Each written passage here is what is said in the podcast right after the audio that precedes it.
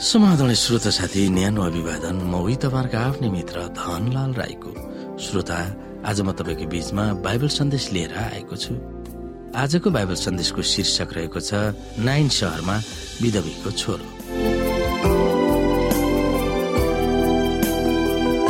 श्रोता यसुको बारेमा बाइबलमा यसरी बताइएको छ परमेश्वरले नासरतका यसुलाई पवित्र आत्मा र शक्तिले अभिषेक गर्नुभयो।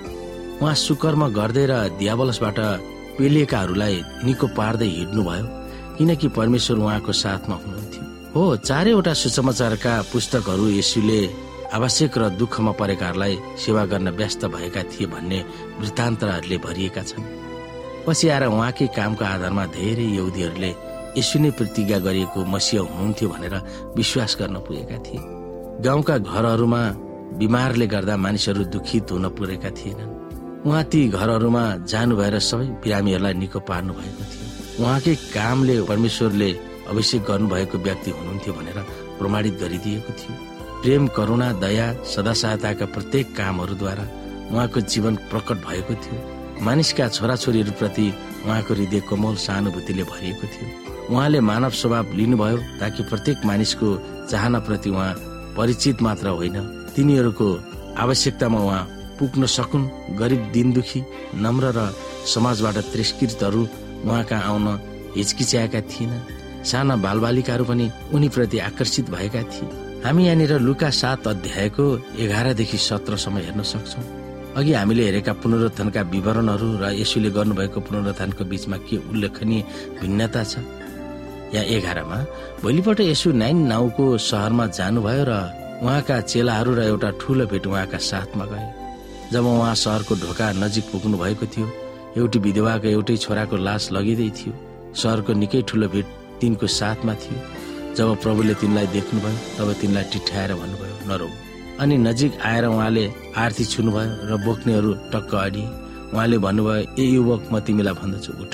तब मृत मानिस उठेर बस्यो र बोल्न लाग्यो। यसुले त्यसलाई आमाको जिम्मा लगाउनु तब सबै भयभीत भएर परमेश्वरको महिमा गरे र भने एकजना महान अगमवक्ता हाम्रा बीचमा प्रकट भएका छन् र परमेश्वरले आफ्नो प्रजामाथि कृपा गर्नु भएको छ। उहाँको विषयको चर्चा सारा यहुदिया र छेउछाउका समस्त जिल्लाहरूमा फिजियो। गालिलको आफ्नो सेवाकालमा यसुले धेरै बिरामीहरूलाई निको पार्नु भएको थियो र दुष्ट आत्माले सताइएकाहरूबाट ती आत्माहरू निकाल्नु भएको थियो। एक दिन उहाँ र उहाँलाई पछ्याउनेहरू नाइन सहरमा जाँदै थिए तब तिनीहरूले मलामी गइरहेका मानिसहरूलाई भेटे तिनीहरूले विधवीको एकमात्र छोराको लास बोकिरहेका थिए। विधवी अचाक्लीसँग रोइरहेकी थिइन्। ती शोकित आमाप्रति यसुका हृदय करुणाले भरियो उनका गएर यसुले भन्नुभयो नरौ? अनि लासतिर फर्केर यसुले हुकुम गर्नुभयो। हे युवक म तिमीलाई भन्दछु उठ। त्यो छोरी जीवित भयो र यसले उसको आमालाई सुम्पाउनु भएको कुरा हामीले हेऱ्यौँ। यसुको उपस्थितिले त्यहाँको सबै दृश्यमा परिवर्तन भएको थियो। त्यो आश्चर्य काम गर्ने धेरैले केही चकित पार्ने कुरा मात्र देखेन। तिनीहरूको माझमा विशेष व्यक्तिको पनि उपस्थिति भएको तिनीहरूले महसुस गरेका थिए। तिनीहरूले उहाँलाई महान अगमवक्ता भनेर सम्बोधन गरेका थिए। दुवै सारपतकी विधयी र सुनामाइट महिलाले इलिया र इलियासँग सहयोग मागेको थिए तर सहायता नमागिकनै नाइनकी विधवीलाई सहयोग गरिएको थियो।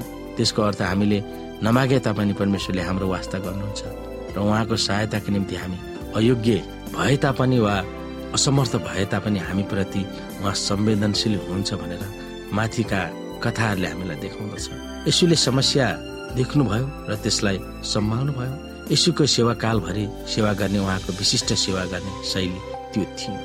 अन्त्यमा श्रोता सत्य धर्म भनेकै हाम्रो वरिपरि रहेका अनाथ र विधवाहरूको वास्ता गर्नुपर्छ भनेर याकुब एक अध्यायको सत्ताइसमा लेखिएको छ। हुन त हामीले यसुले गर्नुभएको जस्तो आश्चर्य कामहरू गर्न सक्दैनौँ। तैपनि हाम्रा वरिपरि रहेका दुखित मानिसहरूको सेवा सहयोग गर्न हामीले सक्नु पर्दछ